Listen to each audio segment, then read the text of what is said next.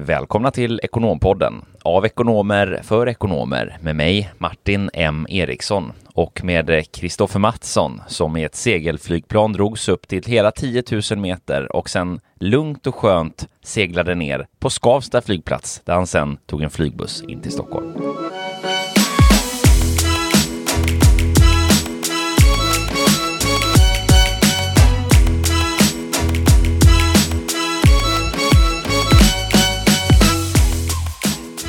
Härligt, härligt. Jaha, vi dammar av, är det här förra veckan egentligen, dammade vi av vårt tionde avsnitt av Ekonompodden. Ett, ett härligt jubileum. Ja, verkligen. Det har ju varit tio eh, riktigt eh, kul och spännande eh, avsnitt här som vi har gjort och eh, vi, eh, vi tänkte det här elfte avsnittet då följa upp här med ett, eh, efter de här tio avsnitten, följa upp här med ett, ett litet frågeavsnitt egentligen som vi tänkte bränna av här idag eh, på många av de, de frågorna som har eh, kommit in till oss här, vilket är jäkligt kul. Eh, responsen är ju långt över förväntan på, eh, på eh, vad vi pratar om och eh, på oss och hela upplägget, vilket är superhärligt. Så att det, det får vi ju ödmjukt faktiskt tacka för, för all feedback vi har fått här, både konstruktiv och, och positiv så att säga. Verkligen, superkul. Eh, du, Premier League avslutat. Det här eh, fantasy-spelet, kan inte du bara berätta lite för, för oss som inte håller på med det här? Vad, vad är egentligen det här, Kristoffer? Ja, vad glad jag blir att du frågar. Det här har ju varit en, en eh, eller det är ju alltid fruktansvärt varje helg när det är Premier League-omgång och man ska eh, sitta vid ritbordet och skissa upp sitt, sitt lag och de spelare man ska ha i sitt lag. Eh, precis som du är inne på, den här mycket märkliga säsongen utan publik har nu gått till sin ända och i söndags så var det de avslutande matcherna i Premier League och således avslutades även det här fiktiva Fantasy Premier League-spelet. Eh, och eh, kan man andas eh, några veckor tänkte jag säga innan det är dags eh, för att börja skissa inför nästa säsong då som ju drar igång den 14 augusti. Och innan dess så har vi ju ett stundande europeiskt mästerskap också i, i fotboll där ju det här motsvarande eh, fiktiva fan fantasyspelet också kommer eh, gå av stapeln då. Det drar väl igång här 11 juni så det blir knappt två, tre veckors semester här innan man får börja, börja skissa på det. Uh, och ja, lite kort om vad det handlar om, men jag var väl inne på det lite här tidigare. Det handlar ju egentligen om att du bygger ett lag utifrån uh, en viss budget som är på typ 100, 100 000 tror jag den är på. Uh, valutan lite oklart. Valutan är fiktiva valutan. Exakt. och sen då så får du egentligen poäng ut efter de här spelarnas prestationer på riktigt då. Ah, så det är riktiga prestationer som påverkar poängen i, som du får i ditt lag? Exakt, så det är inte helt fullt så töntigt som det låter vid första. Eh, vid... Ja, nu kan jag börja köpa att det börjar bli lite intressant här. Mm, verkligen, så, men och mitt problem som jag behöver jobba med är just att kunna ta lite distans eh, eh, mot detta då i, i var, vardagliga livet, för det påverkar ju mig till den, till den grad att jag kan gå runt och tjura en hel helg om mina spelare presterar dåligt. Och även om man gör en bra runda så är man besvärad över att man hade kunnat gjort någonting bättre. Ja, ja, jag fattar det. Det är den här klassiska tävlings, eh, tävlingsskallen man har, att man ständigt så här, flyttar fram sina mål. Det, det är en sån sak som man, jag brukar säga så här, det är sunt att påminna sig lite om det, att eh, jag har ett talesätt som jag brukar tillämpa och det är att eh, det, fanns, det finns alltid en dag där du drömde om att vara där du är idag. Det är lite sådär just mänskligt att när man är prestationstävlingsperson, att man har ambitioner och man vill någonstans, man, man flyttar hela tiden fram den här målbilden. Men just att komma ihåg det att precis där du befinner dig idag, i ditt liv eller i ditt jobb eller vad det än är. Det fanns ju en dag där du faktiskt drömde om att komma dit du är idag. Och lite att påminna sig om det och också klappa sig själv på axeln över att man ju faktiskt har uppnått det. Eh, det är ganska sunt att stanna upp och komma ihåg och, och eh, ja, men visa lite någonstans respekt till gårdagens drömmar och mål som ju man ju faktiskt ofta har uppnått men kanske lätt glömmer av att man har uppnått för att man fokuserar bara på framtiden. Verkligen. Eh, sen också så vill jag ju slå ett litet slag för också att jag är ju inte bara en manager i fantasy fotboll utan jag är ju även en jävligt duktig sådan. Så jag kom på 5600 plats av omkring 8 miljoner spelare. Så det är ändå en, en applåd. Ja, det får man definitivt säga. Och du har väl lite ligor du har spelat med dina vänner här va? Ja, exakt. Och de är ju, de är ju naturligtvis arga på mig och tjuriga och menar att det här var en, en, en ovanlig säsong, vilket det i och för sig har varit, men då underkastar de sig det då att, att de riktiga managerna kommer tillbaka nästa säsong när det är normala förutsättningar igen då. Mm -hmm. Ja, ja, ja men äh, intressant. Man kan ju alltid skylla på annat, så är det ju. Så är det, så är det. du, äh, den här, äh, du som, som ju är den här, för många vissa här, mytomspunna ålänningen, det är lite intressant frågeställning här då. Håller du på Sverige eller Finland i EM? Mm, ja, nej men det är en alldeles relevant fråga. Och det här är faktiskt det första mästerskapet som Finland är med i. Och det var ju lite tråkigt, det här är Europeiska mästerskapet skulle egentligen ha spelats redan förra året men på grund av, av pandemin då så blev det uppskjutet till år 2021 så, så det är ju det var ju lite roligt i sig att när Finland väl har kvalificerat sig till ett mästerskap, men då blir det inte av heller. Eh, men det är faktiskt så att jag, eh, jag har mina sympatier hos, hos Finland och det har jag även i hockey och, och alla andra sporter och det är väl kanske i hockey framförallt som man har kunnat liksom mäta sig mot, mot Sverige då. Ja, då var vi klara för idag här. ja, precis så. Nej, men så jag hoppas på eh, lite, eh, lite finska sisson här nu i, i mästerskapet så att vi kan slå Sverige på fingrarna. Ja, det får vi se här. Det blir en eh, kul eh, sommar här ändå med mycket sport. Mm, ja, vi får följa det här framåt också i, i sommar. Ja, nej, verkligen. Men eh, vad har du haft för dig sen sist då Martin? Jag förstår att du hade riktigt härlig lördag här ute på, eh, på var det Värmdö? På, på återträff med Mästerkocksgänget. Ja, exakt. Vi var ju faktiskt hos eh, Niklas här då, som ju var med i, i Sveriges Mästerkock också. Eh, och som ju då vann eh, efter stängning som ju det här andra programmet heter, där man ju som utslagen... Eh, är det man tar över Marcus Krog eller? Mm, exakt. Och jag var ju själv inte med efter stängning för att jag fick ju corona precis efter inspelningarna av Sveriges Mästerkock. Ah, som du sen smittade mig med och som jag smittade mina ex-PVC-kollegor med. Det kan vara så. Eh, om nu smittspårningen har rätt. Eh, så kan det vara så. Eh, Nej men så eh, han vann ju, Niklas där vann ju eh, efter stängning och priset är utöver Marcus Årseleis restaurang Tegelbacken, vilket ju eh, Niklas då gjorde förra veckan. Så vi var där på torsdagen och hade en riktigt härlig middag. Eh, och sen så på lördagen så var det var vi hemma då hos Niklas på reunion hemma hos honom då i Värmdö.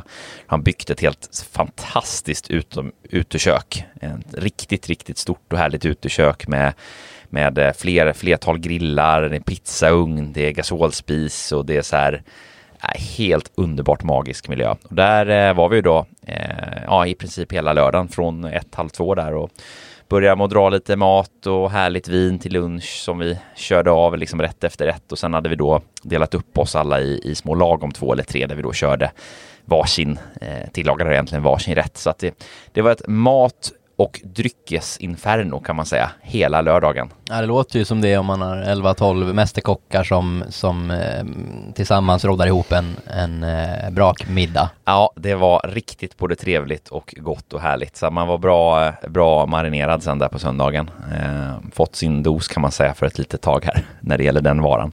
Eh, så äh, det, var, det var riktigt, riktigt skoj. Sen eh, har jag faktiskt eh, återupptagit skrivandet här också, vilket är kul. Eh. Världsdagbok. Ja, exakt. Nej, men det, det är en sån här sak som jag har faktiskt gjort lite från, från tid till annan. Eh, skrivit en del eh, för egentligen mig själv bara. Eh, och det, jag har märkt att det är ett helt, för mig då, fantastiskt sätt att liksom avlasta hjärnan. Eh, att liksom få ner och få ur tankar, insikter, reflektioner. det i tider där man har liksom mycket i huvudet och man har mycket idéer och man kanske resonerar mycket. Jag är ju en tänkare, tänker väldigt mycket. Eh, så har jag märkt att, att just att, att skriva är ett sätt att verkligen avlasta. För det blir på något sätt att man får ur det och sen har man förevigat det så man behöver liksom inte fundera, man behöver liksom inte tänka att man ska komma ihåg någonting. Man behöver inte vara rädd för att glömma någonting. Det är helt okej, okay, utan det där finns nedskrivet. Man kan gå tillbaka till det. Så det har funkat väldigt bra för mig faktiskt. Ett väldigt eh, så här, meditativt sätt att, att rensa skallen. Mm, härligt. Det kanske man skulle testa, Kristoffers djupaste hemligheter. Ja, precis. Det är ju, alla har ju sina olika sätt. Ehm, och alla har ju olika behov också. Pratade med en eh, kompis här i helgen. Hon berättade att hon är ute och eh, promenerar väldigt mycket och då ja, pratar högt för sig själv. Resonerar högt så att säga. Ja, det är ju också ett sätt. Ja, alla sätt är bra förutom de dåliga. Ja, och det är ju så här någonstans att vi, man får ju alla hitta sitt egentligen. Så det är det har, eh, nej, jag tycker det funkar riktigt, riktigt bra för min del, just eh, skrivandet där och eh, man får som sagt hitta sitt, sitt sätt egentligen för vad som är, vad som är mest tillämpligt för att må bra och sådär. Men sen är det så här att man kan ju inte heller bedöma någonting förrän man har testat. Många människor har ju väldigt mycket fördomar mot saker och ting. Alltså det är många, du så här, frågar någon till exempel, jag kommer ihåg första gången jag fick frågan så här, men har du, eh, mediterar du? Eh, och det hade jag ju inte gjort då och gjorde inte. Och det låter ju bara konstigt och flummigt och det är väl bara flum, det är bara flummigt liksom. Man, man förstår det inte. Och det, så kan det mycket väl vara. Det passar ju inte alla. Men, men vi människor är ju också väldigt, väldigt fördomsfulla i vår natur. Det ligger liksom någonstans i människans natur att vara det. Och eh, där har man ju också väldigt mycket att vinna på att sänka den garden, ta bort den här fördomsfullheten. Och bara för att man inte längre är fördomsfull, det betyder inte att man nödvändigtvis eh, så att säga eh, måste tycka om allt. Du kan ju fortfarande landa i att Nej, men det här är ingenting för mig eller det här köper jag inte alls. Men, men att på riktigt ge det en chans och, och lyssna in till någonting kan vara vad som helst eh, innan man bildar sig en för stark uppfattning. Ja, det låter som en klok reflektion. Mm. Återigen, självinsikt, självinsikt och självkännedom. Självinsikt och självkännedom, det har vi pratat om mycket. Man måste, eh, för att liksom veta vart man ska så bör man veta vart man är och det är samma med våra liksom, egna liv och personligheter och allting. Att när man börjar lära känna sig själv och var man står idag och hur man funkar och sådär så blir det lättare att ta steget mot utveckling.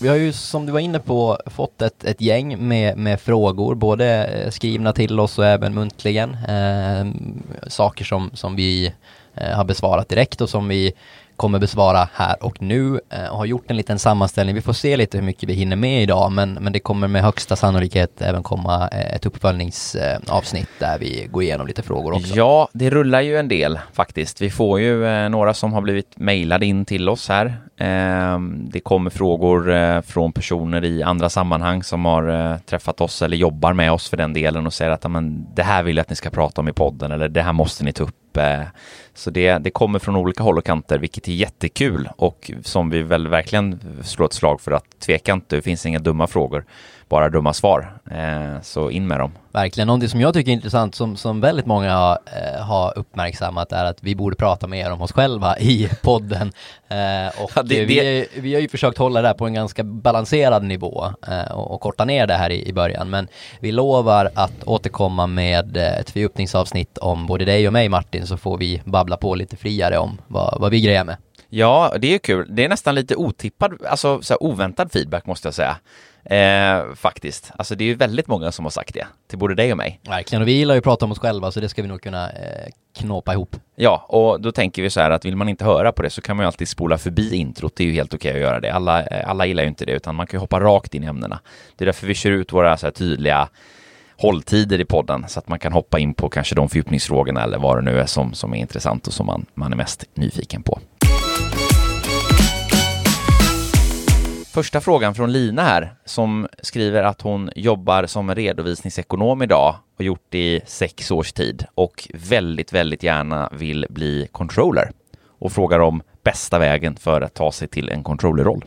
Först och främst så skulle vi vilja slå ett slag till att lyssna på controlleravsnittet så att man där vi förgrenar eller redogör begreppet och vilken typ av roller och kontexter man kan jobba med controlling. Precis, det avsnittet, eh, där fördjupar vi oss väldigt tydligt på just alla de enskilda faktorer som påverkar rollens utformning. Och vi gör det ganska pedagogiskt och tydligt. Eh, så Lina, eh, in med dig och lyssna på kontrollavsnittet om du inte redan har, eh, har gjort det. Om du skulle ge några konkreta tips då eh, på, på rak arm, vad, vad, vad vill du säga då? Ja, den första frågeställningen blir ju någonstans lite då vad för typ av controller man vill vara eller jobba som så att säga. Eh, om man tar de stora två förgreningarna så är det ju Financial Controller och Business Controller. Och om vi börjar med den förstnämnda, Financial Controller, så är ju det ett steg som kan vara väldigt redovisningsnära. Eh, där har vi ju många frågor som landar på Financial Controllen som ju egentligen tar sitt ursprung någonstans i, i redovisningen och ekonomisk planering och uppföljning. Eh, Alltifrån frågor som kanske då rör budget och prognosarbete, analysarbete på finansiella nyckeltal. Det kan handla om likviditetsplanering och eh, annan typ av eh, liksom regulatoriskt nära frågor och liknande som, som kontrollen ofta jobbar med eller skattefrågor och liknande som, som också kommer nära. Eh, sen kommer ju mycket annat på controller, financial controller-rollen också. Vi pratar också om det här som sagt i, i vårt controller-avsnitt, men för att ge en snabb konklusion då så har vi ju många varianser på också rollen beroende på man kan jobba med system och tekniskt nära och kanske jobba mer med redovisningssystem och, och hur liksom redovisningsflödena i en hel koncern funkar. Man kanske jobbar mycket med analys och ad hoc-frågor och utredningsarbeten. Så att det finns en stor varians och eh, det jag ska komma till egentligen det är ju att det förstnämnda man kan göra det är att titta på hur vad kan jag i min nuvarande roll som redovisningsekonom addera till förmån för att då bredda och fördjupa min kompetens. Alltså hur kan jag röra mig i en controller-riktning? Och då är ju såklart alla bolag olika. Alla bolag har olika strukturer, så här finns ju inget generalrecept. Men då blir det ju att utifrån det bolaget man är i och den rollen man jobbar i, titta sig omkring och se vad finns det för saker här omkring som man skulle behöva ta tag i. Eh, ja, men här är ett utredningsarbete på en viss fråga. Ja, men den tar jag. Eller ja, men vi skulle behöva förbättra vår, eh, vår budgetprocess. Ja, men där kan jag gå in och hjälpa till. Så att det kan finnas otroligt mycket som man frivilligt kan ta sig an. Eh, utan att det ens egentligen kanske nödvändigtvis ligger i ens arbetsbeskrivning. Och då handlar det ju om, om vem man är som person och hur man bäst liksom funkar för att, att ta för sig och så vidare. Så att det är väl någonstans det första tipset, att börja med att titta just då, men vad, vad finns det i min närhet här som jag kan sätta tänderna i egentligen då? Det är väl jättebra och det där är ju någonting som säkert många funderar på som har jobbat med redovisning i x antal år men vill då ta nästa steg inom eh, situationstecken. Just att jag vill börja jobba med controlling, det hör man ganska ofta. Ja, man gör ju det och där eh, också när man ska sedan titta på controllerroller så är det ju faktiskt så att väldigt många redovisnings, alltså det finns ju som vi har sagt innan, controllern har lika många, det finns lika många arbetsbeskrivningar som det finns controllers. Det är väldigt bred och, och eh, som variansen i rollen är otrolig. Eh, tittar man då på vissa roller man har haft så kanske man på så sätt kan börja skruva sin yrkestitel lite. Alltså många, tittar jag, jag tittar på många financial controllers idag som jobbar som financial controllers. De är ju i princip redovisningsekonomer till 85 procent. Men rollen heter financial controller. Alltså det finns ju bolag där bokslutsekonomerna, alltså redovisningsekonomerna som konsoliderar och stänger boksluten, kallas financial controllers. De har alltså knappt någon controlling arbetsuppgift, för de sitter med redovisningsarbete, men de kallas financial controllers. Och det blir ju lite skevt då om man tänker på en, en, hur du bygger en meriterande kompetensbas. För att har du då hamnat i ett sådant bolag och då plötsligt får financial controller på CV, ja då är du ju mycket mer bara av den anledningen eh, meriterad för att söka en ny controllerroll. Medan har du jobbat i en exakt likadan roll i ett annat bolag där du kallas redovisningsekonom, då är du ju mer begränsad.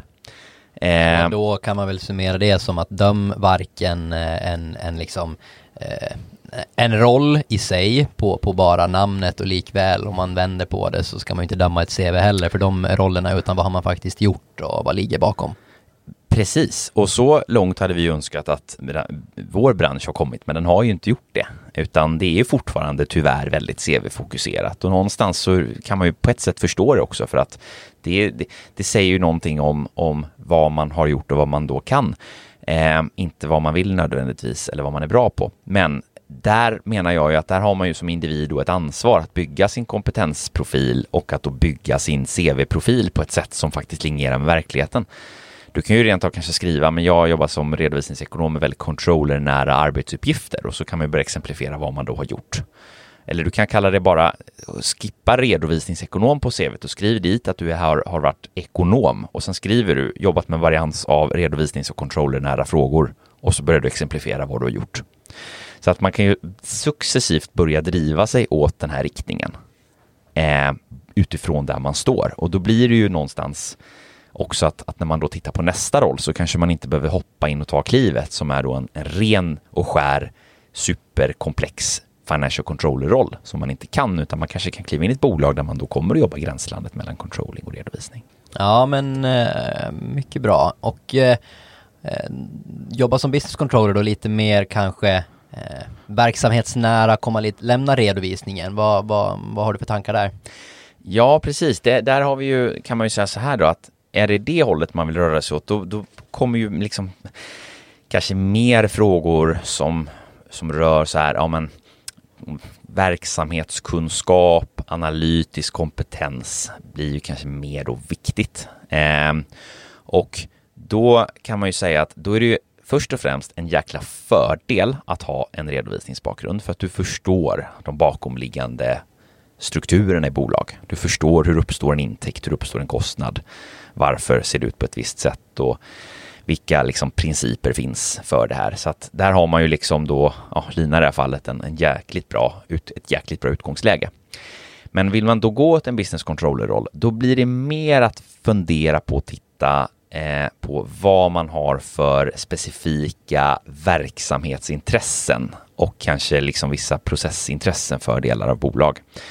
Eh, ska du jobba som business controller, då kan du jobba antingen då väldigt som affärsnära, rent av sitta ute. Du kanske inte sitter på en ekonomiavdelning utan du kanske sitter ute i, ute i en, en del av verksamheten.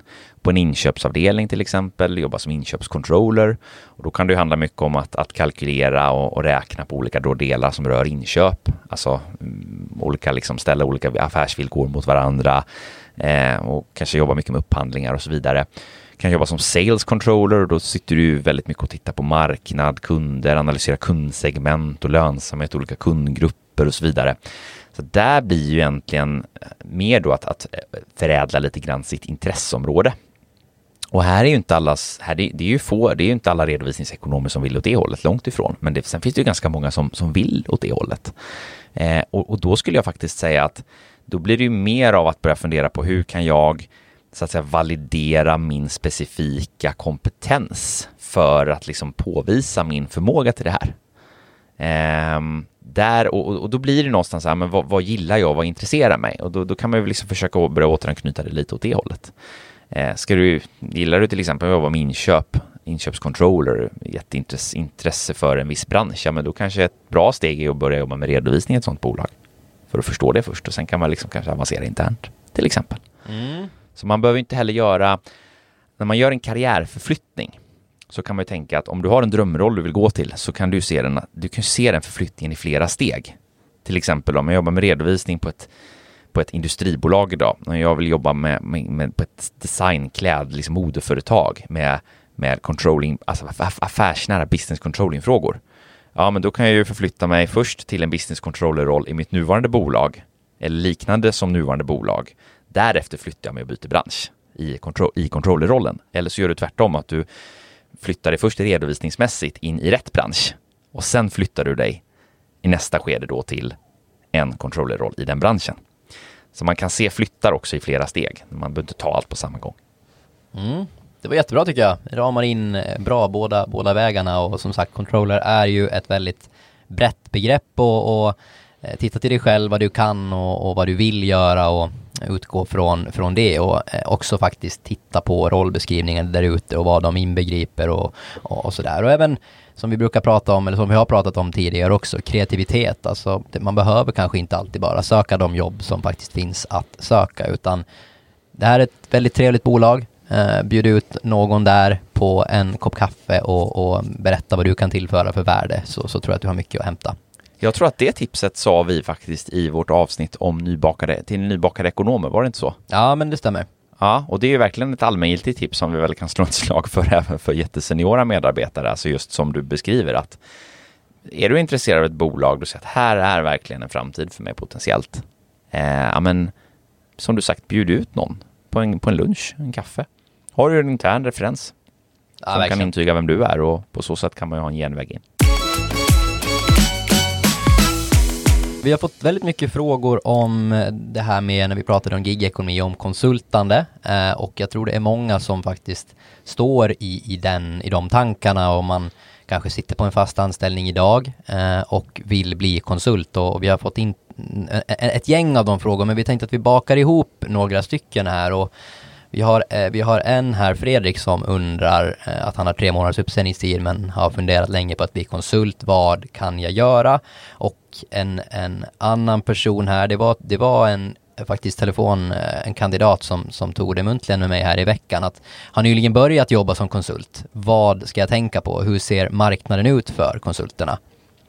Eh, och eh, vad heter det nu? Jag tänker att vi Eh, vi, vi, vi, kan, vi kan ta någon form av helhetsgrepp där och kanske börja med lite kort bara summerat så, så är det ju ändå en ganska, det är ganska högt tryck idag på arbetsmarknaden jämfört med vad det var under eh, förra året.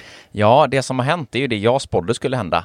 Jag sa det att eh, får inte vi den realekonomiska påverkan på bolagen som man är rädd för nu när man drar i handbromsen här, vilket man gjorde då i, när covid kom, då kommer våra organisationer bli undernärda. Och det är precis det de har blivit och det är precis det vi ser idag. Så ja, vi ser uppdämda behov just idag, där och, man ligger efter. Och även eh, kanske väldigt många som, som vi hade dialog med under förra året, januari, februari, som kanske redan då var intresserade av att hitta på någonting eh, nytt och flytta på sig. Och så kom då den här pandemin och ställde till det och då har man ju ren osäkerhetsfaktor. Ja, men jag blir kvar där jag är och nu kanske man har jobbat på distans i, i 12-15 månader och känner att ja, men, livet smakar ännu lite mer skit nu än vad det gjorde när jag första gången tänkte på det här. Och att man nu då känner i samband med att det rullas ut vaccin etc. Eh, att nu är det hög tid för mig att, att byta och det, det märker vi inte minst på marknaden. Det, det är väldigt högt tryck och eh, många projekt och sådär också som, som kickar igång. Ja, alla uppdämda behov. Vad säger du då, Kristoffer, är ny som konsult? Vad ska jag tänka på? Har du några så här stalltips till, till nya konsulter. Ja men vi har ju pratat om det lite tidigare, alltså just det här med, med nätverket också. Börja med att titta vad du, vad har du jobbat med tidigare, vilka personer har du träffat och, och, och värna om, om dem och se vad du kan eventuellt hjälpa till, vad du kan tillföra värde. Vad är du bra på, vad vill du, vad vill du göra? Det kan gå väldigt fort det här med att få nya just uppdragsgivare. Man, man vet ju inte när man nästa gång möter sin, sin igår kanske kollega och nästa dag så är det din potentiellt nya chef. För det är precis svängningarna i mellan uppdrag blir mycket snabbare som konsult. Så att nätverket blir viktigt och renommén blir viktig, ska jag säga. Den är ju alltid viktig, men den kanske är allt ännu viktigare som, som konsult. Verkligen, och sen kan man också fundera lite på tidpunkten när man kanske går ut i uppdrag och ibland kan det där till och med kanske vara en, en fördel. Jag tänker ta ett uppdrag nu till exempel kontra att ta det i höst när många kanske känner att jag vill vara ledig i sommar och jag kör igång jobbsökandet i augusti-september. Kanske du kan komma in och, och ja, men, om du inte har speciella planer i sommar ändå storslaget, åka ut och resa och sådär, så kanske det kan vara bra att knyta till sig det redan i, i juni eller juli om du har den möjligheten. Mm. Och det här med uppsägningstiden om man funderar på att bli konsult, det, för den är ju lite vanlig kan man väl säga, de som vill bli och ha tre månaders uppsägningstid. Och, och, och tumregeln för många uppdrag är att de förmedlas med ganska kort varsel i och med att det är då man vet med säkerhet att, att, att konsulterna är tillgängliga så att säga. Ja, det är ju väldigt skrämmande för en eh, trygghetssökare att bara säga upp sig utan att man egentligen har någonting nytt på gång. Och, och, och vad vill vi säga till dem? Ha lite lugn och is i magen och, och gör vad som känns bra. Ja, sen funderar jag på faktiskt en tanke som slog mig nu. Det har jag aldrig tänkt på innan, men den slog mig just i detta nu. Finns det inte någonting i LAS som säger att man har rätt att vara tjänsteledig om man ska starta eget? Ja, det där är... Utanför din eh, knowledge zone. Ja, ja. Det, är det. det där ska jag eh, kolla upp. Eh, det kan vara så faktiskt. Jag har hört det. Alltså, du har rätt enligt vissa kriterier. Du har rätt till tjänstledighet för studier till exempel. Ehm, jag har för mig att det kan vara något sånt på starta eget. Det ska man inte, inte ta för givet här, men jag har för mig att det finns något sådant. Så den kan ju vara lite värd att kolla upp. Och ibland tänker jag så här också att ja, varför inte prata med sin arbetsgivare, bara berätta som det är. Alltså någonstans, jag menar, har du planen så kommer du ju ändå troligtvis att lämna förr eller senare. Var transparent och öppen. Verkligen, och där kanske till och med möjligheten finns att ja, men du startar ditt eget bolag eller, eller vad som och så kanske du kan hyra in dig där som, som ett första uppdrag. Precis, och där tror jag däremot att det finns lite eh, begränsningar för, det, så gör ju många vet jag, men där tror jag lite finns begränsningar i arbetsrättsskyddet då, att man inte får ta in eh, en tidigare anställd i ett eh, uppdrag, just för att man värnar om anställningstrygghet. eh. Så det kan finnas lite utmaningar, även om jag vet att en del bolag gör precis på det sättet så, så kan det finnas lite arbetsrättsliga hinder mot det där. Då. Men, men eh, absolut, principen är ju helt vettig annars, alltså prata med, med din närmaste ledare och chef. Och det kan väl vara lite känsligt om man ska gå till konkurrerande verksamheter och sådär. Det beror väl kanske lite på vilken bransch man är i och sådär, men samtidigt så, så eh, behöver det inte vara någon nackdel utan om man är tydlig med det och förutsättningarna så om man är uppskattad medarbetare så kanske det bara är en, en möjlighet också. Så att det är väl en väg att gå lika så att, att just lyfta frågan bara och vara transparent och ärlig. Eh, sen är det väl lite också handlar det väl om vad man har för kompetens, hur trygg man är i den kompetensen. Det vet vi ju att det ofta kan vara en utmaning för många som är anställda, att de, de har svårt att bencha sig. De vet liksom inte hur värd är jag? Alltså, hur attraktiv är jag på marknaden? Hur pass lätt eller svårt är det för mig att få ett uppdrag eller få en ny anställning? Eh, och då är väl ett bra tips att prata med olika oberoende parter, alltså diskutera med, med oss, eh, våra branschkollegor och, och, få en känsla kring min profil, hur lätt eller hur svår är den att få ett uppdrag? Och eh, där kan ju vi ganska snabbt se, tittar vi på en, på en, pratar vi med en person och märker men hur funkar individen, hur pass konsultmässiga är de i sin person, hur funkar de som personer? Och sen hur ser dina kunskaper och din kompetens ut? Vi, vi, kan ju med ganska stor pricksäkerhet säga hur lätt eller svårt det kommer att vara för personer att landa ett uppdrag med tanke på att vi känner marknaden. Så prata med, eh, prata med oss i branschen. Så, så, så sen tror jag också till. en ödmjukhet och prestigelöshet kanske om vi pratar det här med titlar och, och, och sådant också men säg att du har jobbat då Alltså att, att, att, ta ett uppdrag som kanske är lite mer underkvalificerat än vad du har jobbat med tidigare, just också för att man kanske vill komma in som konsult och faktiskt leverera ett värde med en gång, lite beroende på vad man har för startsträcka och sådär, så, så kan det ju vara skäl att, ja men, det här kan jag, det här är jag trygg med. Jag kan erbjuda de här tjänsterna bara för att liksom återigen då koppla till nätverket och, och bygga, bygga vidare på det och liksom bygga din konsultpersonlighet eh, eller konsultprofil. Eh, så kan det ju vara skäl att, att kanske ta ett uppdrag som, som eventuellt är lite underkvalificerat. Om det är så att man inte hittar ett som ligger på den nivån. Eva-Lena här undrar varför fastanställer ni inga konsulter? Det är skrämmande att kasta sig ut i tidsbegränsade uppdrag. Ja, Eh, och eh, svar på det är ju egentligen att vi har valt att ha den modellen på, på Talents och Sweden och inte ha fastanställda konsulter utan vi har egentligen två olika, eh, eller vi erbjuder två olika möjligheter då. Dels förmedling egentligen av, av dig som underkonsult när du till exempel har ett, ett eget bolag. Stöttar vi dig i att hitta eh, spännande uppdrag och möjligheter framåt.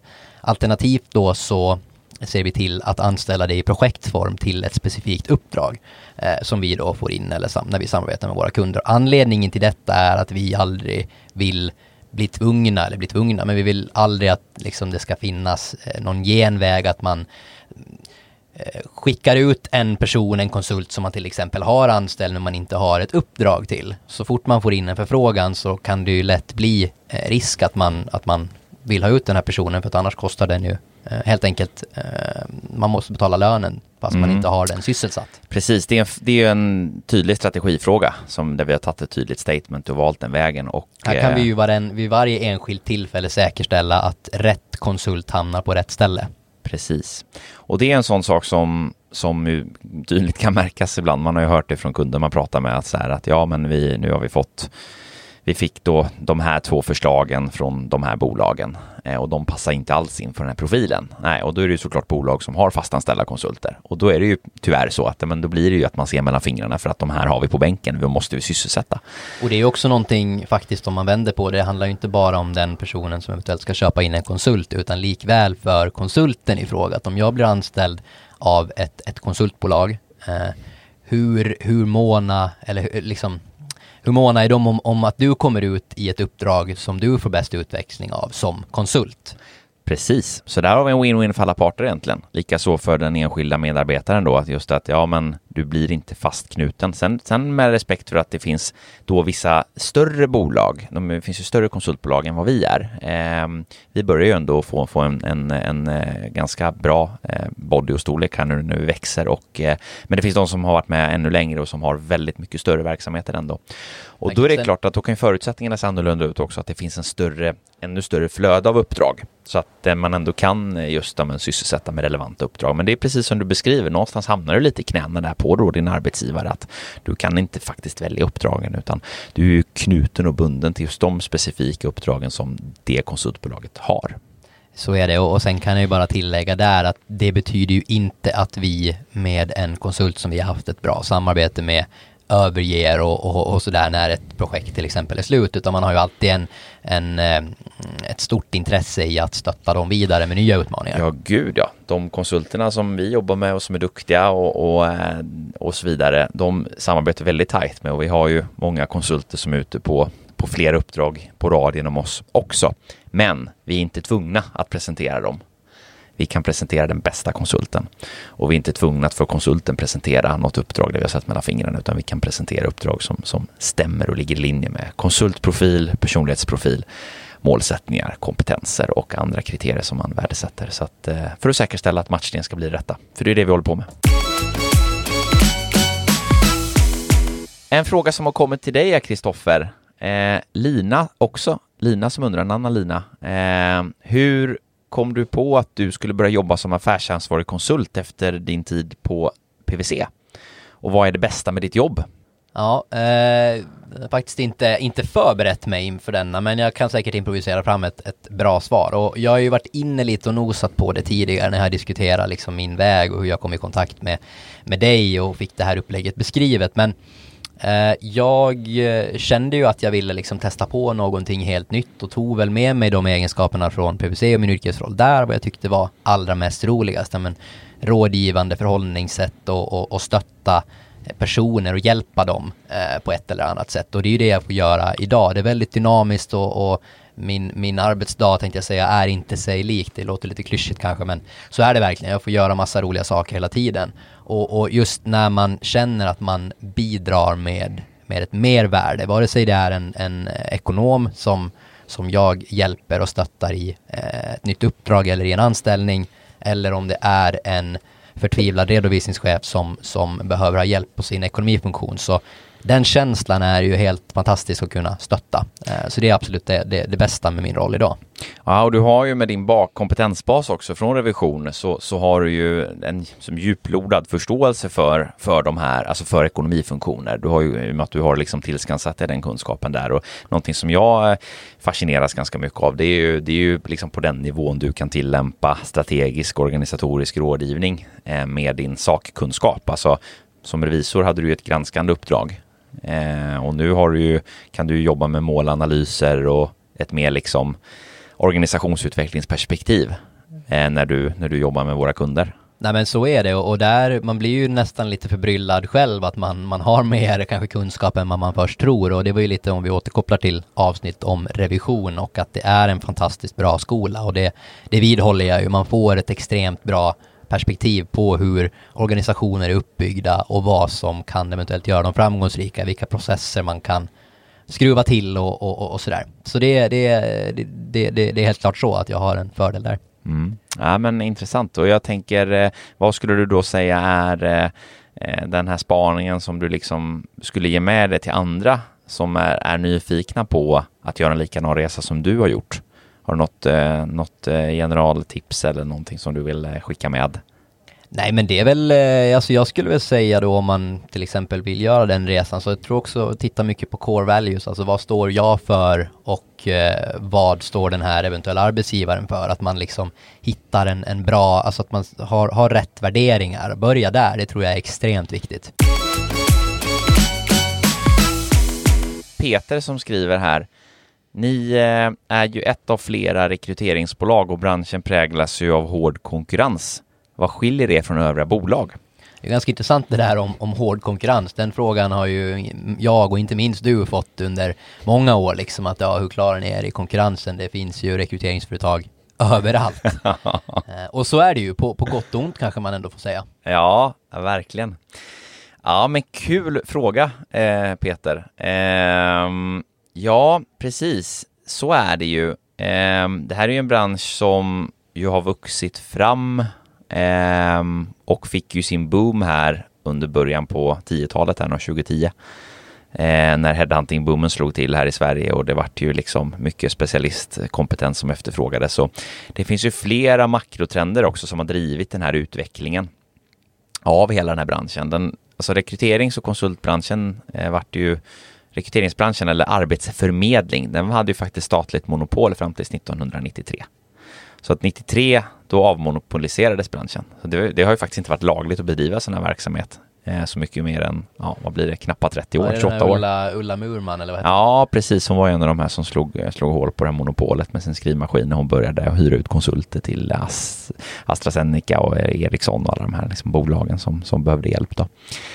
Ehm, men eh, det som har hänt också i branschen är ju att som sagt det är flera makrotrender. Vi har ju också en, en hög förändringstakt, ett stort behov av kompetens. Eh, mycket projektkompetens som behövs, vilket gör att man då också har ett behov av att hyra in konsulter.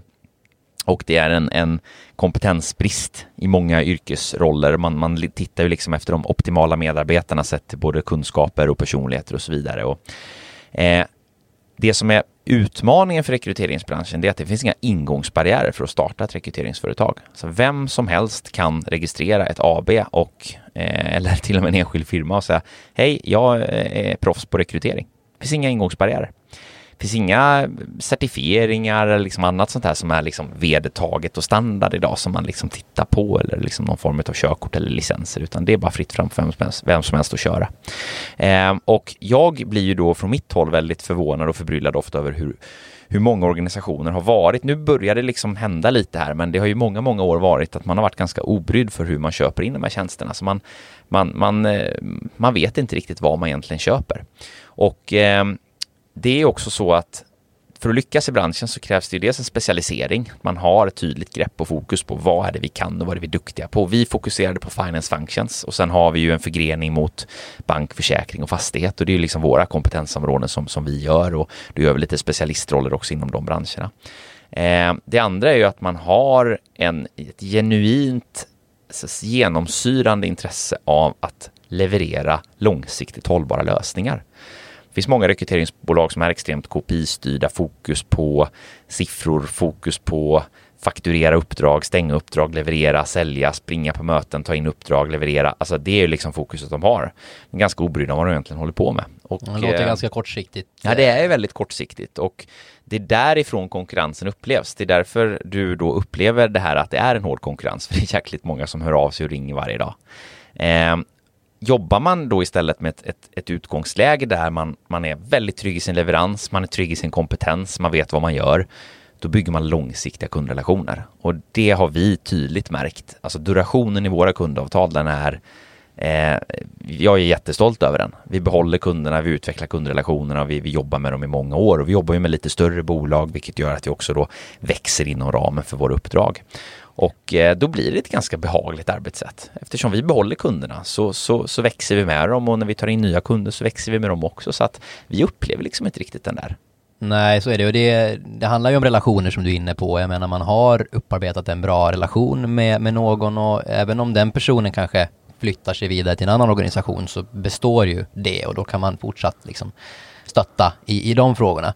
Så jag tror ju verkligen att det handlar om ett långsiktigt tänk och och det är ju precis som du var inne på det med core values. Alltså vad står jag för?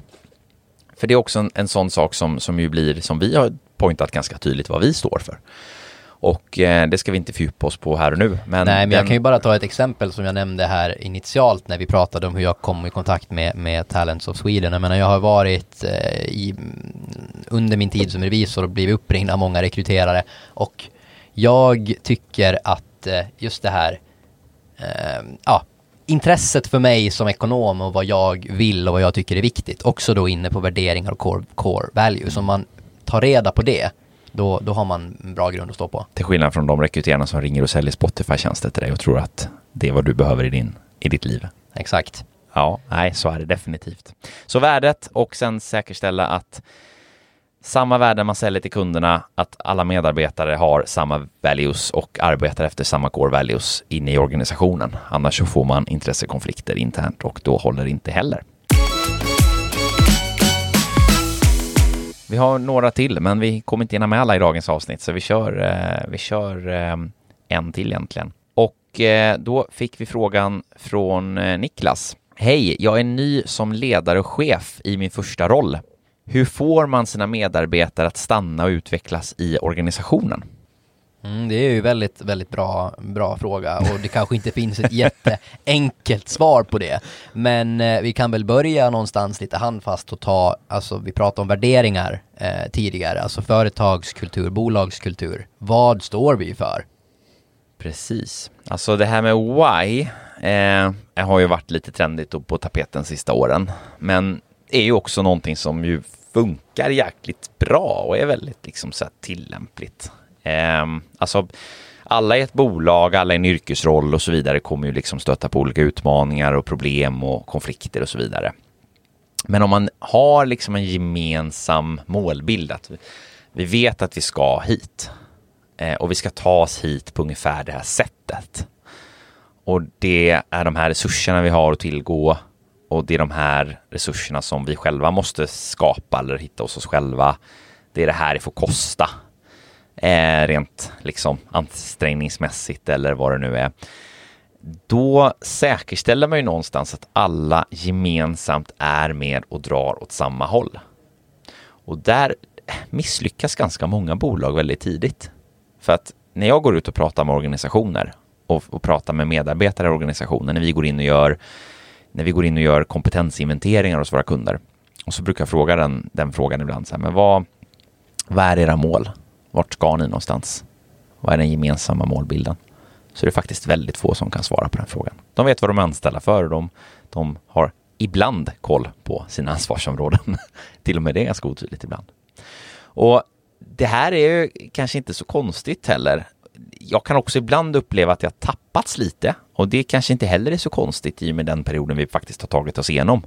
Nu kan vi ju som organisationer och bolag börja fokusera framtiden. Det har ju varit ett, ett omställningsår minst sagt i och med den här pandemin där den där klassiska av... brandsläckningen, ja, att kunna börja jobba lite mer strategiskt. Och... Precis, och där blir vi någonstans, det är väl första tipset lite grann att börja titta på det som en...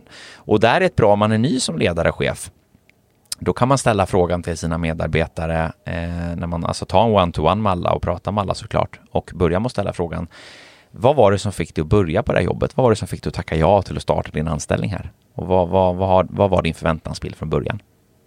Eh, och sen kan man ju fråga lite hur den har utvecklats och eh, sen kan man ju faktiskt fråga kopplat också till individens egna målsättningar och vad de vill utveckla och vad de vill nå.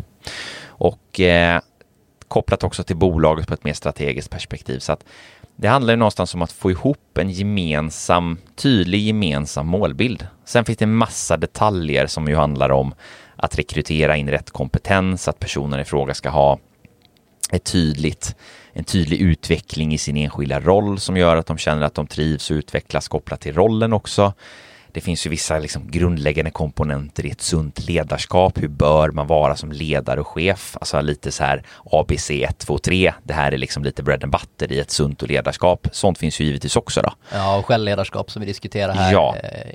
Eh, för ett par avsnitt sedan. Ja, och det är väl, det är väl ett, ett, bra, ett bra tips också att lyssna in på det avsnittet med självledarskap. Men, men grundläggande nog absoluta mest liksom kärnfrågan skulle jag säga ändå, det, det är någonstans, för frågan är hur får man sina medarbetare att stanna organisationen.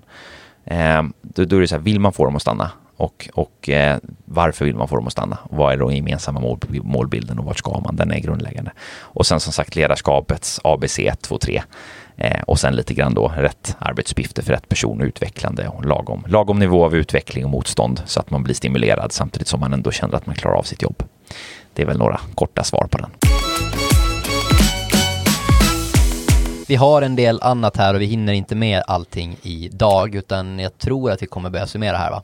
Det låter som en alldeles utmärkt idé. Eh, jäkligt bra frågor som har kommit in alltså. Jag är eh, eh, glad och tacksam för dem och att vi får förgrena oss och fördjupa oss lite grann. Framåt har vi lite spännande eh, introavsnitt till ämnen som vi inte har, har berört än, som kommer. Vi har eh, en del spännande fördjupningsavsnitt som ligger planerade så att hela vår pipeline här inför, eh, inför sommaren eh, och hösten är ju fullsmäckad som vi verkligen ser fram emot och, få fortsätta här och realisera med, med de spännande gästerna som, som ligger planerade, de spännande ämnena som vi har. Så att det, det är riktigt, riktigt kul. Så är det. Trevlig lyssning till Solstolen helt enkelt. Ja, det, det ska vi se till, tänker vi. Med det sagt så, så får ni lyssna in nästa vecka och så tackar vi för den här gången. Tusen tack alla. Ha en underbart fortsatt skön vecka. Hej! Hej!